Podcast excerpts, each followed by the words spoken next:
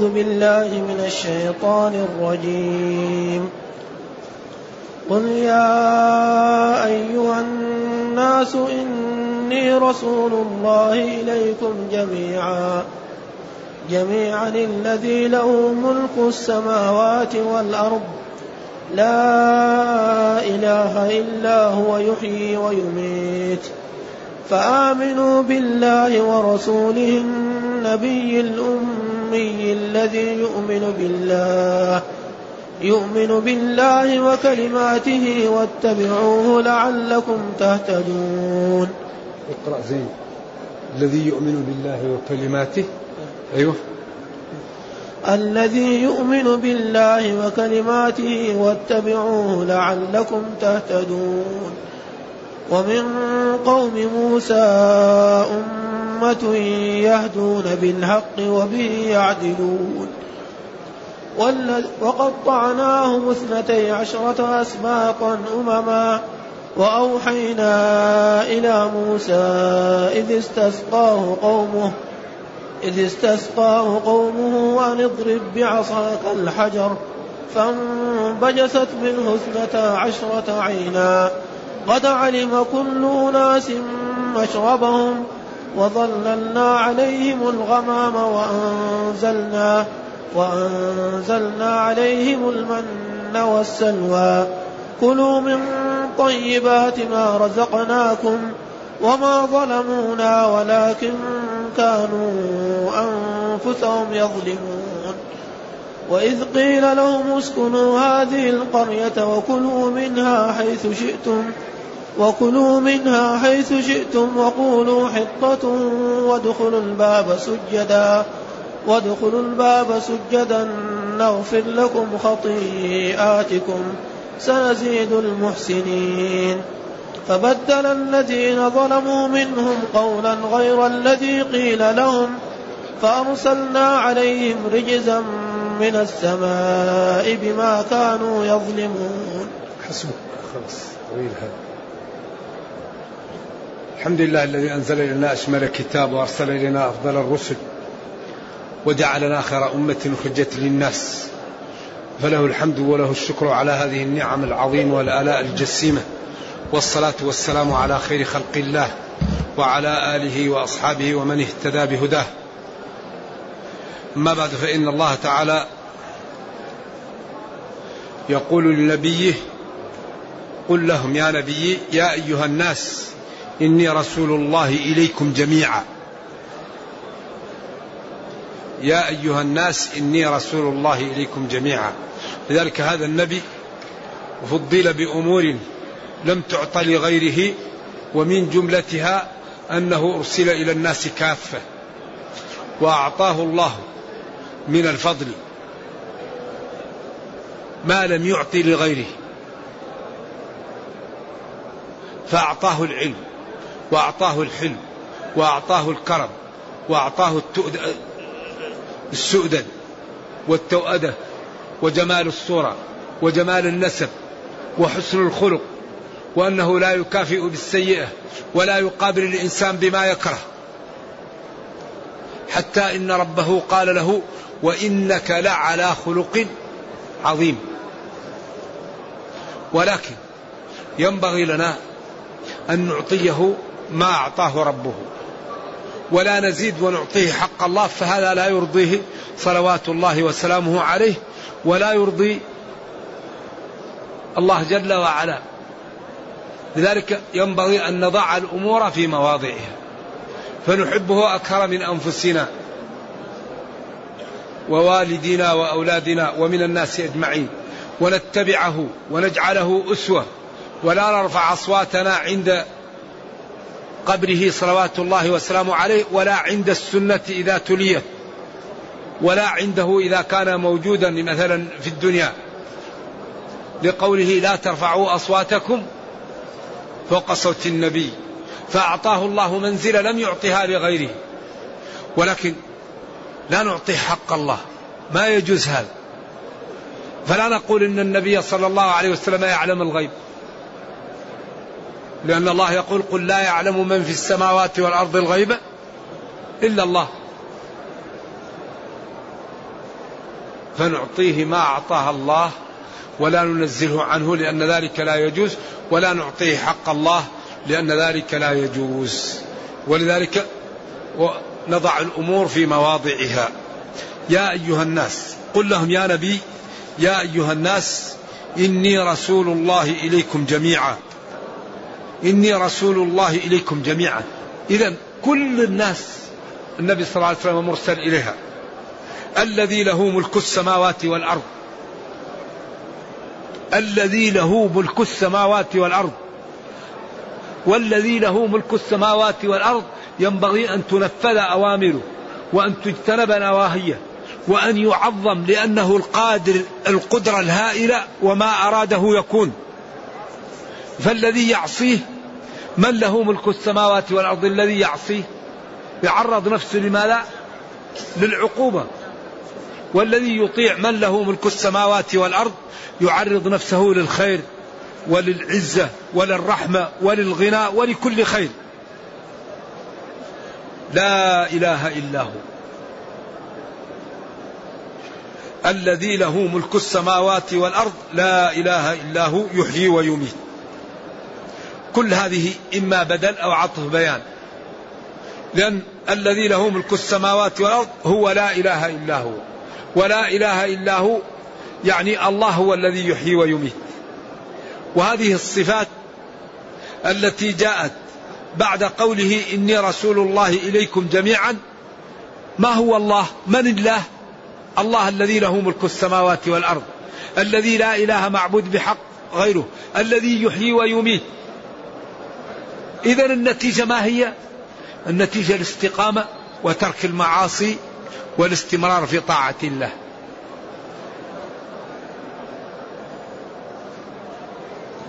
فآمنوا. هذا التأكيد. بالله. ربا. معبودا بحق.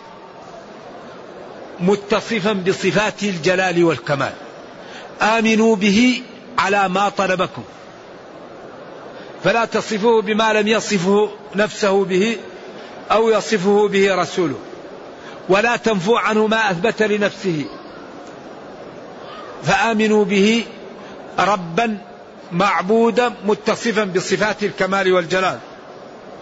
ورسوله الذي لا ينطق عن الهوى الذي معصوم فيما يبلغ عن الله.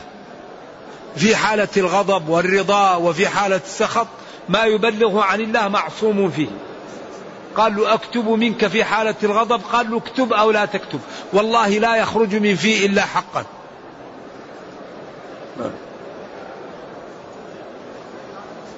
النبي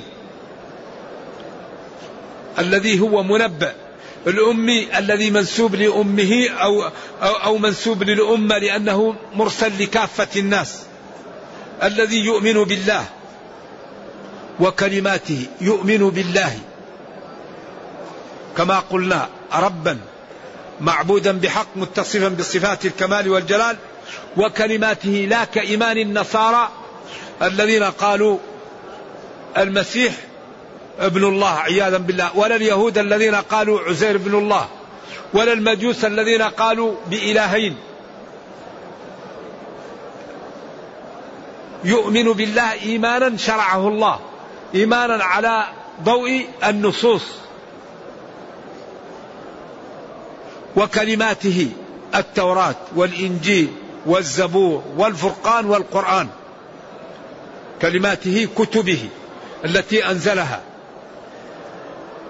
واتبعوه أيها الخلق لعلكم تهتدون. ويفهم من السياق أن الذي لم يتبعه لا يهتدي. والاهتداء ضد الضلال. ثم قال ومن قوم موسى أمة. لأن القرآن لا يظلم أحدا في وضعه. ولذلك قال وقطعناهم في الأرض أمما منهم الصالحون ومنهم دون ذلك. كل إنسان يعطيه صفته. ولا يظلم ولا يبخس. ويعطي للناس حقوقهم وكل واحد يأخذ حقه ويزيد عليه. والكافر تقوم عليه الحجة ويعذب بعد أن يقول لا عذر لي. جاءنا نذير فكذبنا وقلنا ما نزل الله من شيء. إذا واتبعوه لعلكم تهتدون. اتبعوه. محمد صلى الله عليه وسلم اتبعوه لعلكم. لكي تهتدوا بذلك. لأنكم إذا اتبعتموه تهتدوا. لأجل أن تهتدوا. واتباع النبي صلى الله عليه وسلم يكون بامتثال الأوامر واجتناب النواهي. ولا يمكن الإنسان أن يجتنب النواهي ويمتثل الأوامر إلا إذا تعلم. لذلك أكبر ما يعوق كثير من الناس عن النجاح الجهل. الذي يجهل كيف يتبع؟ ما لا يتبع. لكن أهم شيء التعلم. ولذلك الذي يتعلم مآل للخوف من الله. الذي يتعلم مآل للتوبة. الذي يتعلم مآل الإقلاع. الذي يتعلم ما يقدر ينغمس في المعاصي. لأنه يعلم أن الله قدير ويأخذ إذا أخذ إن أخذ ربك لشديد. أو يأخذهم على تخوف. قالوا التخوف التنقص. التنقص أخذه شيئا فشيئا فشيئا حتى يمسكه. ولذلك لما سأل عمر عن التخوف قال له الشاعر هذه لغتنا. قال أبو كبير تخوف الرحل. منها تامكا قردا كما تخوف. عود النبعة السفن كأن الرحل يأكل من السنام كما تأكل القدوم من الشجرة إذا ضرب تسقط وصلة صغيرة وكذلك الرحل يأكل من السنام شيئا فشيئا. حتى يزول السنام للأسفار تامكا مرتفعا قريدا متلبدا. كما تخوف عود النبعة وهو الشجرة الكبيرة السفين الذي يعمل السفن ويقطع الأشجار ليصلح السفينة.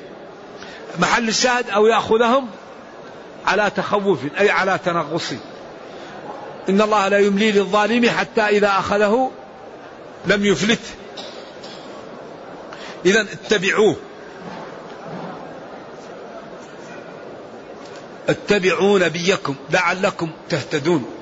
ومن قوم موسى أمة جماعة يهدون بالحق وبه يعدلون.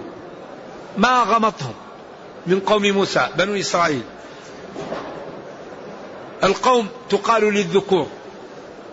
وقد يدخل مع مع الذكور الإناث بالتبع كما قال إنها كانت من قوم كافرين. ولكن القوم تقال للذكور كما قال الشاعر وما أدري وسوف إخال أدري أقوم آل حصن أم نساء؟ فالقوم تطلق لجماعة الذكور وقد يدخل النساء مع الذكور بالتبع كما قال كانت من قوم كافرين. كانت. ولذلك الجمع المذكر السالم هل تدخل فيه النساء أو لا تدخل؟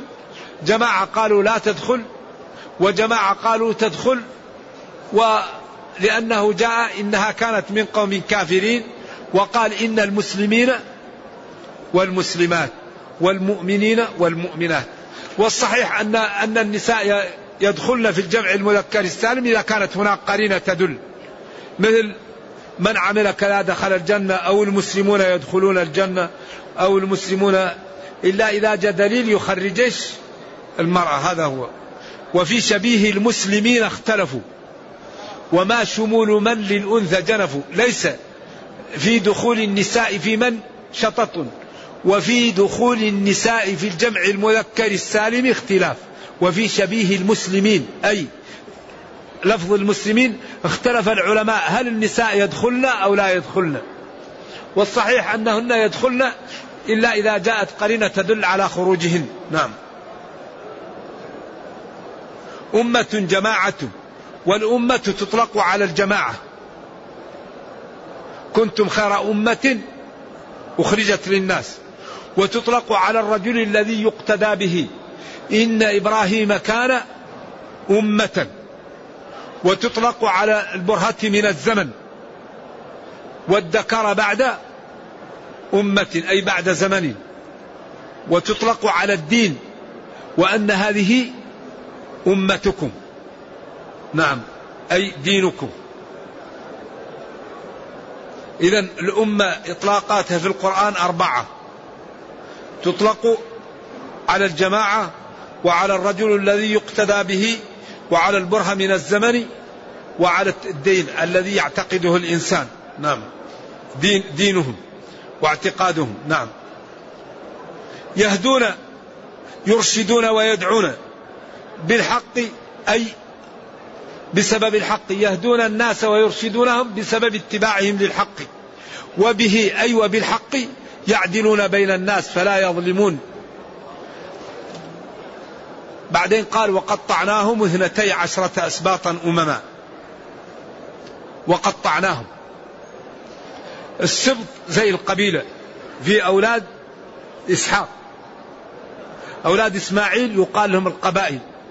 وأولاد إسحاق يقال لهم السبط السبط مثل القبيلة.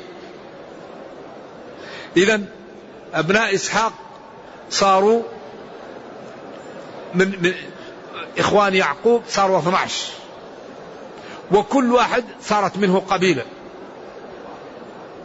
إذا وقطعناهم اثنتي عشرة أسباطا. ولذلك قال أسباطا وما قال سبطا لأن كل قبيلة فيها فخور. وإلا القياس يقول سبطا لأنه هكذا اثني عشر شهرا. وهنا قال أسباطا. لأن كل قبيلة في داخلها التفريق. نعم. أمما بدل من أسباط. وأوحينا إلى موسى. إذ استسقاه قومه. قطعنا بني إسرائيل إلى 12 سبط إلى 12 قبيلة أو 12 فخر. أمما جماعات. وأوحينا أنزلنا إلى موسى الوحي حين استسقاه قومه. إذ ظرف لما مضى من الزمان وقت استسقاء قومه حين جاءهم العطش في التيه.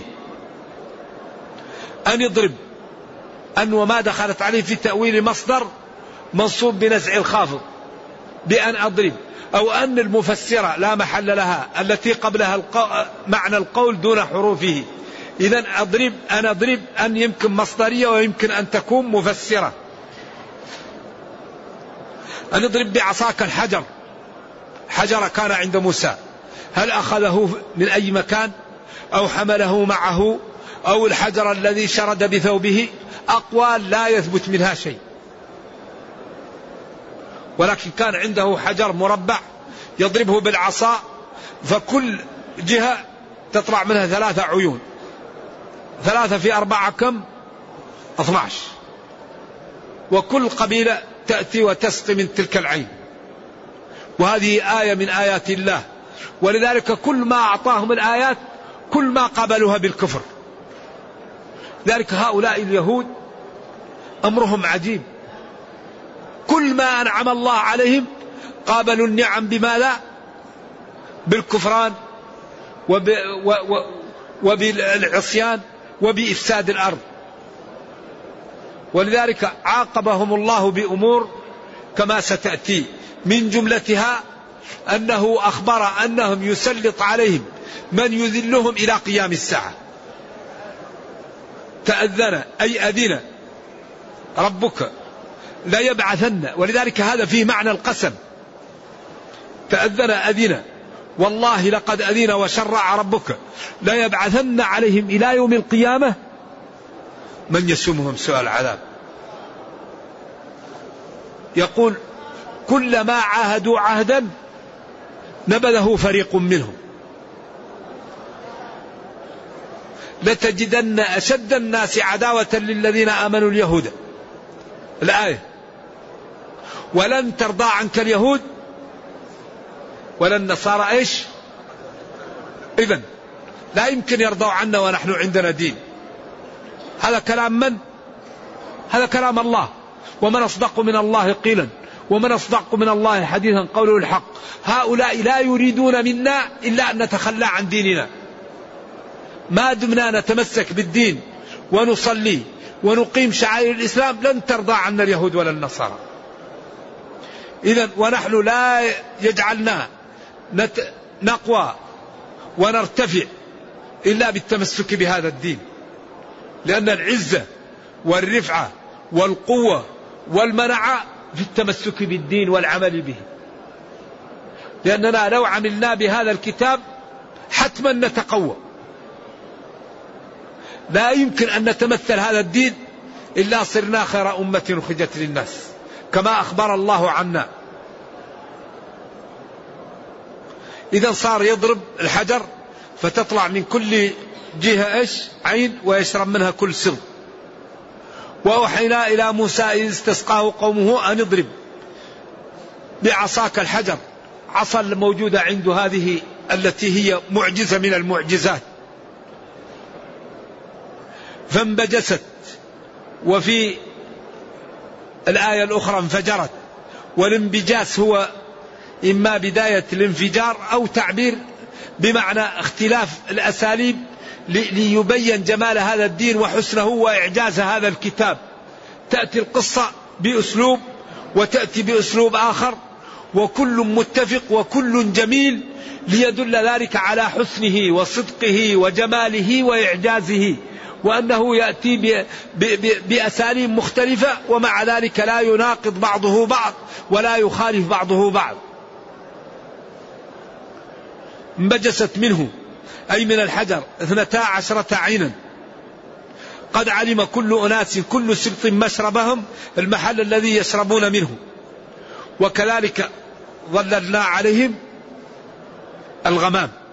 جاءهم قالوا جاءنا الحر فجاءت غمامة وهي الوعاء الذي يكون فيه المطر رقيق وغشى عنهم الشمس. وأنزلنا عليهم المن المن هو شيء أبيض يشبه العسل. ينزل على الأشجار. صار ينزل ويشربونه لذيذ ومفيد و و و و وطيب في البدن. والسلوى طائر يشبه السمان على أصح الأقوال.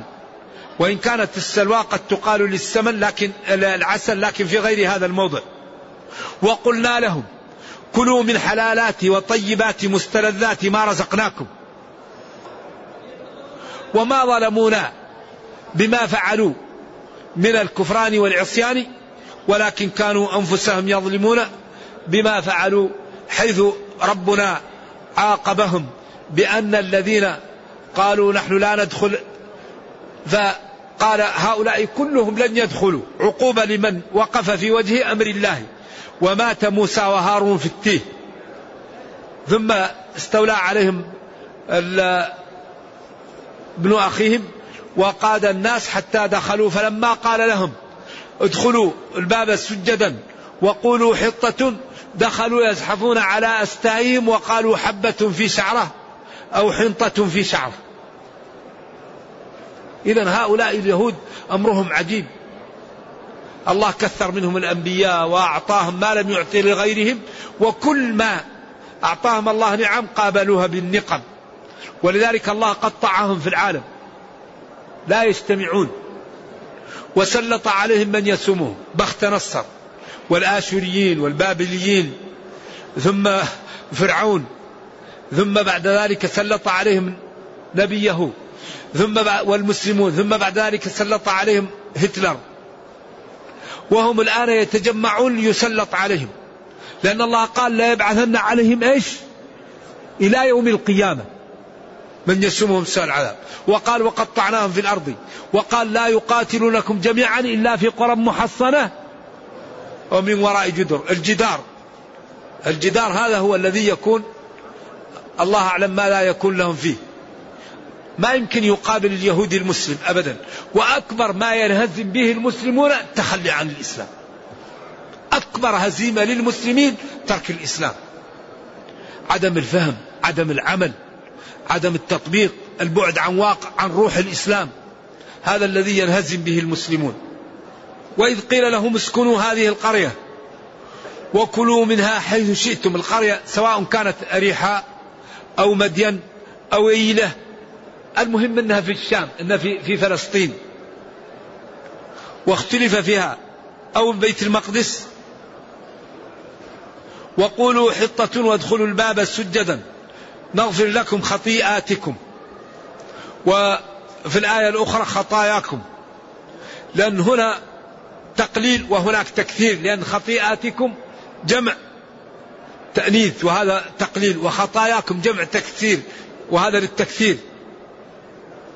وهنا قال وسنزيد وهنا قال سنزيد المحسنين. فبدل الذين ظلموا يعني غيروا الكلمة بكلمة أخرى. الذين ظلموا هذا الأسلوب يدل على أنهم غير جيدين ولا ينبغي أن يذكروا. الذين ظلموا. هذا يدل على الاشمئزاز منهم والعيب لهم والكراهية. قولا غير الذي قيل لهم وفعلا غير الذي قيل لهم. لأنهم قيل لهم قولوا حطة. وأمروا أن يفعلوا أن أن يأتوا يعني سجدا. ولذلك الأسلوب يدل بنوعيه على الفعلين. فبدل الذين ظلموا قولا غير الذي قيل لهم وبدل الذين ظلموا فعلا غير الفعل الذي أمروا بأن يفعلوه. وهذا دل عليه السياق. فأرسلنا عليهم رجزا عياذا بالله عذابا من السماء. بما كانوا يظلمون أو بسبب ظلمهم. ونرجو الله جل وعلا أن يعيذنا وإياكم من الظلم. اللهم أرنا الحق حقا وارزقنا اتباعه وأرنا الباطل باطلا وارزقنا اجتنابه وأن لا تجعل الأمر ملتبسا علينا فنضل. اللهم إنا نسألك أن توحد صفوف المسلمين وتقوي شوكتهم وأن ترد عنهم كيد أعدائهم. اللهم إنا نسألك أن تغفر لنا ذنوبنا وأن تتجاوز عن سيئاتنا. ربنا آتنا في الدنيا حسنة وفي الآخرة حسنة وقنا عذاب النار. سبحان ربك رب العزة عما يصفون وسلام على المرسلين والحمد لله رب العالمين. نترك المجال للإخوان في ما يشكل لهم في حجهم لأن الوقت أصبح يضيق وبعض الإخوان ينبغي أن يتعرف على بعض الجوانب في الحج. لأن الحج كما ذكرنا في الدروس السابقة يلبس الحاج الإحرام في خمسة أيام. إذا أراد أن يتعجل الثامن والتاسع والعاشر والحادي عشر والثاني عشر. هذه الأيام الخمسة ينبغي للعاقل أن يكابد فيها. لا بد من المكابدة ليسلم لك حجك. لأن فيه الشيطان والنفس والناس. في ناس يشغلوك عن الله. فينبغي للعاقل الذي صرف مالا ووقتا أن يهيئ نفسه في هذه الأيام ليسلم له حجه. فلا يجادل ولا يفسق ولا يرفث. نعم. فلا رفث ولا فسوق ولا جدال في الحج. قال العلماء هذه أخبار بمعنى النهي. لا رفث لا ترفثوا. لا فسوق لا تفسقوا. لا جدال لا تجادلوا. ولذلك هذه الموارد التي يأتي منها الخلل للحج. فلذلك لما بين ما الحج المبرور؟ الحج المبرور هو الذي لا يكون فيه رفث ولا فسوق ولا جدال. نعم. والشيطان والناس والنفس لا يترك الإنسان يعني يأتي بالأجر كامل. لا بد أن ينغصوا عليه. فينبغي الإنسان أن يكابد يقلل الخلطة ويشتغل بالذكر والاستغفار وقراءة القرآن وبالدعاء حتى يسلم له حجه. نرجو الله أن يكتب لنا ولكم الحج. وذكرنا أن أركان الحج أربعة. من عملها حج صحيح. أن يدخل في نية الإحرام. ثم يطوف طواف الإفاضة أو طواف الزيارة. وهو بعد الرجوع من مزدلفة. هذا ركن. الركن الثالث الوقوف بعرفة. وهذا هو أخطر شيء في الحج. ولذلك ورد عنه أنه قال صلى الله عليه وسلم الحج عرفة. لأن من أدرك عرفة يمكن الباقي يكمل فيما بعد أو يجبره بذنب. لكن عرفة إذا لم تدركها فاتك الحد وعرفة وقتها 24 ساعة. من طلوع فجر اليوم التاسع إلى فجر يوم العاشر ليلة اليوم العاشر. والسنة أن الطلوع يكون من بعد الظهر إلى غروب الشمس. وأنت واقف في, في عرفة في محل داخل عرفة. وعرفته كلها موقف وارتفعوا عن بطن عرنة. بعض الناس لا يقف في عرفة. يأتي وينزل في الوادي وعرنة بداية المسجد خارجة عن عرفة. بداية المسجد الكبير الموجود في عرفة خارجة عن عرفة. قبلة الصفوف الأمامية. لذلك إذا صلى مع الإمام الظهر والعصر جمع تقديم يدخل. أو يكون في معالم إن شاء الله في معالم حد عرفة لا يكون خارج الحد. ولا يمشي من عرفة إلا إذا غربت الشمس. فإذا غربت الشمس عليه في, في عرفة خلاص يمشي. ومزدلفة ليست بركن. الصحيح أنها واجب. من قال إنها ركن هذا مرجوح. ومن قال إنها السنة مرجوح. وإنما هي واجب. والذي لا عذر له ينبغي أن يبيت به. والذي له عذر يكفيه حط جزء من الليل فيها يحط الرحل فيها جزء من الليل. نعم والدليل على أن المبيت بمزدلفة ليس بركن. حديث عروة بن مضرس حين قال له أكللت راحلتي ولم يبقى حبل من هذه الحبال أي المرتفعات إلا وقفت عليه ألي حد؟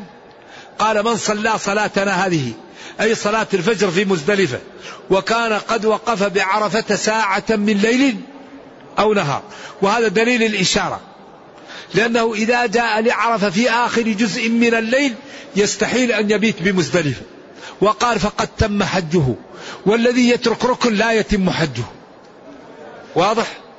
وهذا الذي يسمى عندهم دليل الإشارة. كما قال وحمله وفصاله ثلاثون شهرا مع قوله تعالى وفصاله في عامين. فدل بدلال الإشارة على أنه أقل مدة الحمل ستة شهور. نعم. ورمي الجمار كله واجب. وينبغي أن ترمى الجمار بحجر بحصى. فإذا كان كبير مكروه وإذا كان صغير لا يجزي. ويرمي المكان الحوض. ليس الشاهق اللي كان موجود الجدار لا. يرمي المحل الأرض. شاهق. ويرمي الطرح لا يجزي. وغير الحجارة لا يجزي. وكون أنك تجمعها من مزدلفة لا يجب. تجمعها من أي محل. لكن إن لقت سبع الحصيات في جمرة العقبة يوم النحر لا يضر. لكن ليس لازم. وغسلها وغسلها خلاف السنة. القطها وارمي بها. أما الذين يغسلونها وهذا ليس ويرمي. وتدعو عند الجمرة الأولى. وترميها من أي جهة. وتدعو عند الجمرة الثانية وترميها من أي جهة. تدعو طويل والجمرة الثالثة ترميها من جهة الوادي ولا تقف عندها. جمرة العقبة لا وقوف عندها ولا دعوة. السنة أنك ترميها وتنصرف لأنها محلها كان ضيق ولا ترمى إلا من جهة الوادي. تجعل مكة عن يسارك ومنا عن يمينك. ولا بد في غير يوم النحر من ترتيب الرمي. ترمي الجمرة الأولى الجمرة الثانية الجمرة الثالثة. ومن كان عنده ضعف ومشكل يمكن أن يؤخر الرمي إلى اليوم الأخير. اليوم الثالث عشر أو اليوم الثاني عشر. ويرمي الجمار ولا شيء عليه. لكن بهذه الطريق لا بد أن يرمي الجمرة الأولى والجمرة الثانية والجمرة الثالثة والأولى والثانية والثالثة والأولى والثانية والثالثة. لا بد أن يرميها على الترتيب ولا شيء عليه. لأن كل أيام الرمي وقت للرمي. لكن إذا غابت الشمس اليوم الثالث عشر انتهى الرمي. خلاص انتهى الحج. ما في رمي بعد هذا. والمبيت بمنى واجب عند الجمهور. وهذه الأنساك من ترك منها نسكا يرق دما. من ترك ركنا لا بد أن يأتي به أو يبقى حجه لا يحج. ومن ترك واجبا فليرق دما. ومن ترك سنة أو ندبا فلا شيء عليه. وأهم شيء في الحج أن الإنسان يبتعد عن القال والقيل وعما ينقص له حجه. نعم. ولا ينسى المسلمين بالدعاء وإخوانه لأنه لا مال له ما لا مال عنده ينفق عليهم ولا قوة يدفع عنهم فالدعاء لإخوانك المستضعفين والمضطهدين فهذا إن شاء الله أنه مفيد. على كل حال أحبك الله. يقول هل وجعلنا إن شاء الله من المتحابين فيه. هل أستطيع أن أعمل عمرة وأمكث في مكة ومن ثم أحج مفردا؟ لا أصلا أنت إذا عملت عمرة في هذه الأيام وجلست في مكة وحجيت هذا هو المتمتع. فمن تمتع بالعمرة إلى الحج. لأن التمتع أن يحرم غير المكي بالعمرة في أشهر الحج ويأتي بالعمرة ويجلس في مكة حتى يأتي الحج ويطلع من مكة. لأنه هو سمي التمتع تمتعا لأن صاحبه تمتع بالجلوس في مكة وطلع بالحج ولم يذهب إلى المواقيت البعيدة. نعم. ولذلك المكي لا يلزمه الهدي والتمتع يقال للقران وللتمتع. كل من التمتع والقران يقال له تمتع والفرق بين الإفراد والقران النية. يقول لباك حجا لباك حجا وعمرة. نعم. ما حكم الصلاة بمياه الصرف المعالجة وأكل السمك الذي يعيش فيه؟ هذا سؤال كبير ينبغي أن تسأل عنه اللجان التي والمجامع لأن الصرف الصحي نجس.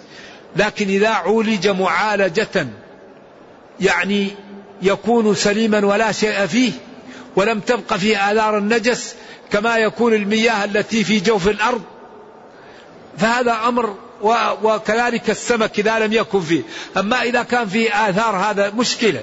حتى قالوا الثمرة إذا كانت طول السنة تسقى بالنجس لا ينبغي أن تؤكل وإنما يعطى لها منه سماد. أما إذا كان طول السنة يكون مشكل فهذا يسأل عنه المجامع العلمية مع أصحاب الاختصاص فالسؤال كبير ولذلك الإجابة الصحيحة الله أعلم. نعم. يقول ما حكم من يفضح شخص بسبب أنه كان يفعل شيء ثم تاب هذا الشخص؟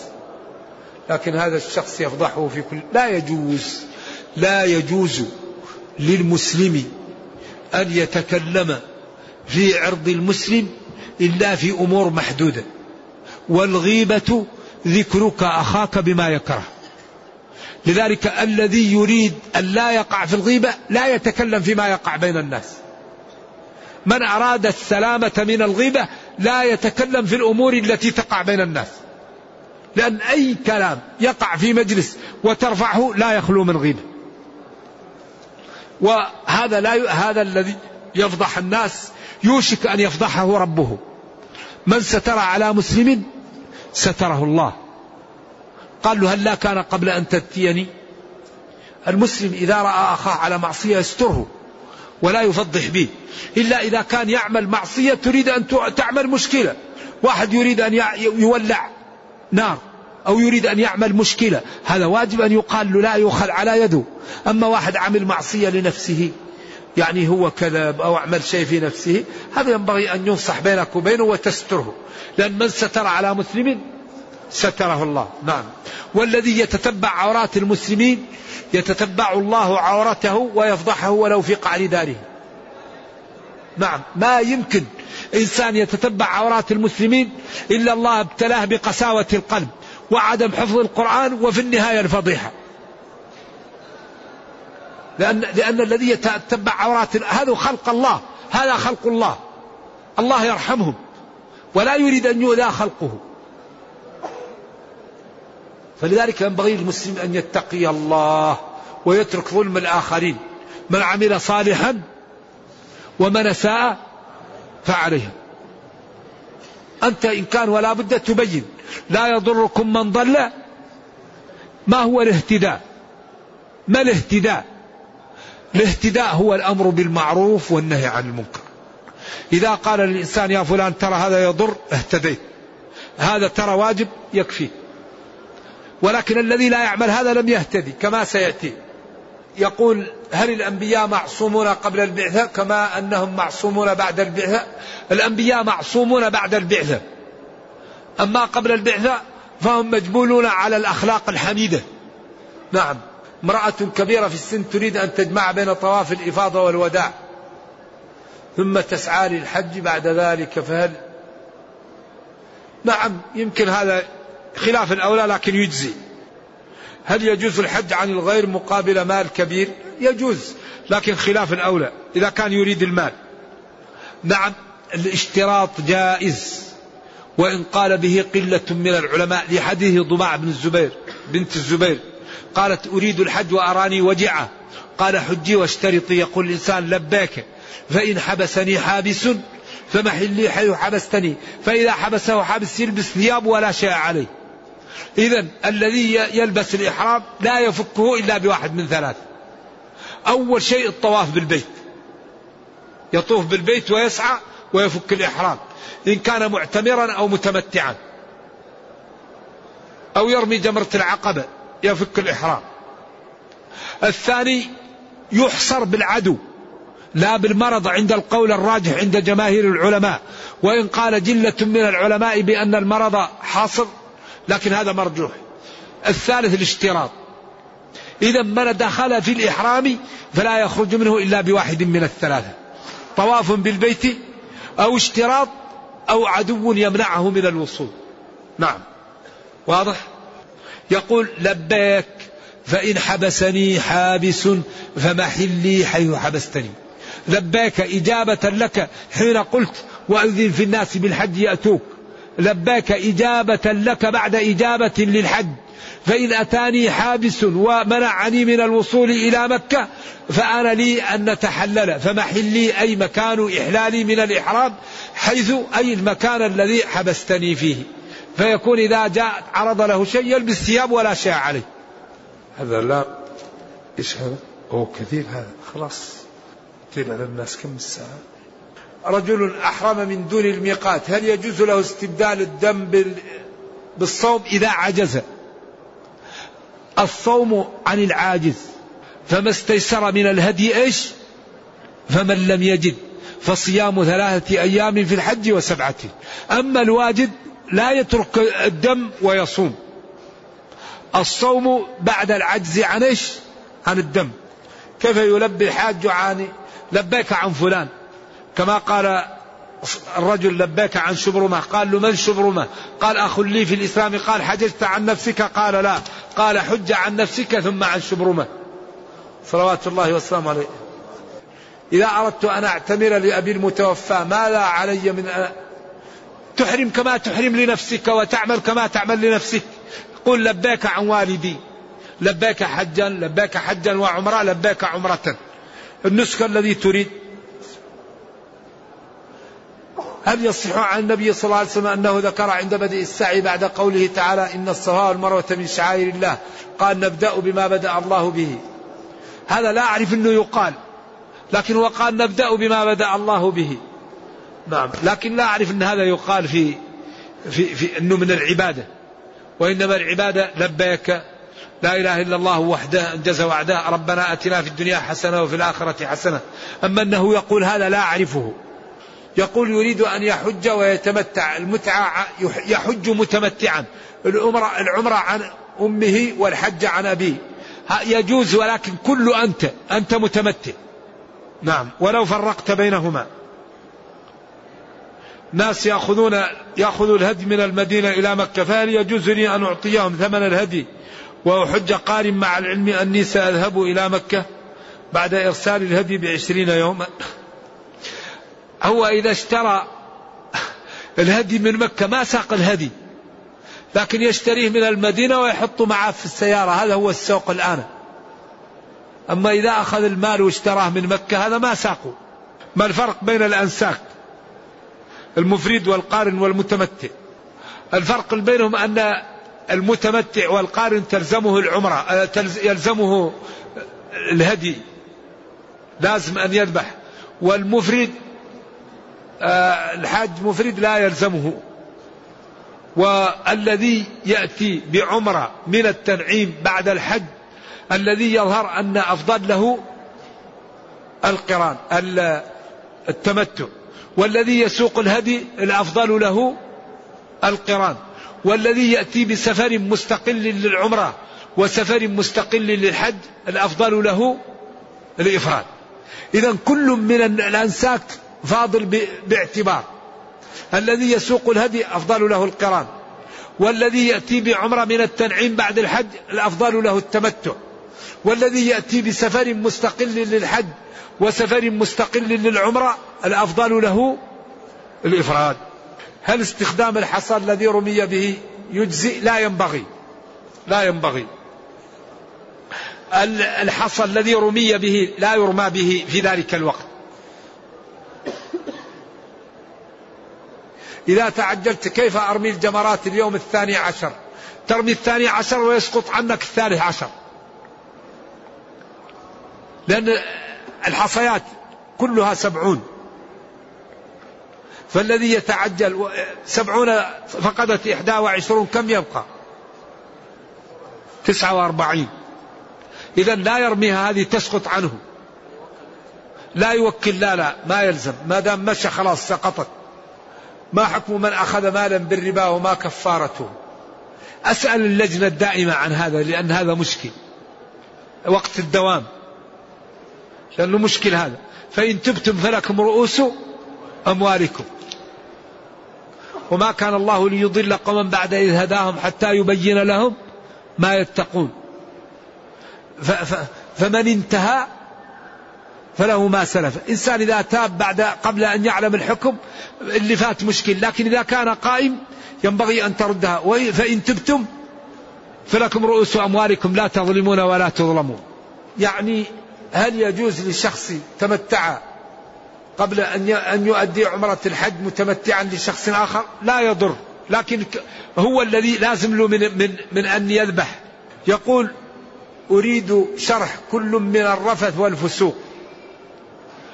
الرفث كلمة مشتركة تقال للكلام البذيء وللكلام السيء وتقال للأمور التي تقع بين الرجل وزوجه في أمور الجماع من بدايته إلى نهايته يسمى الرفث.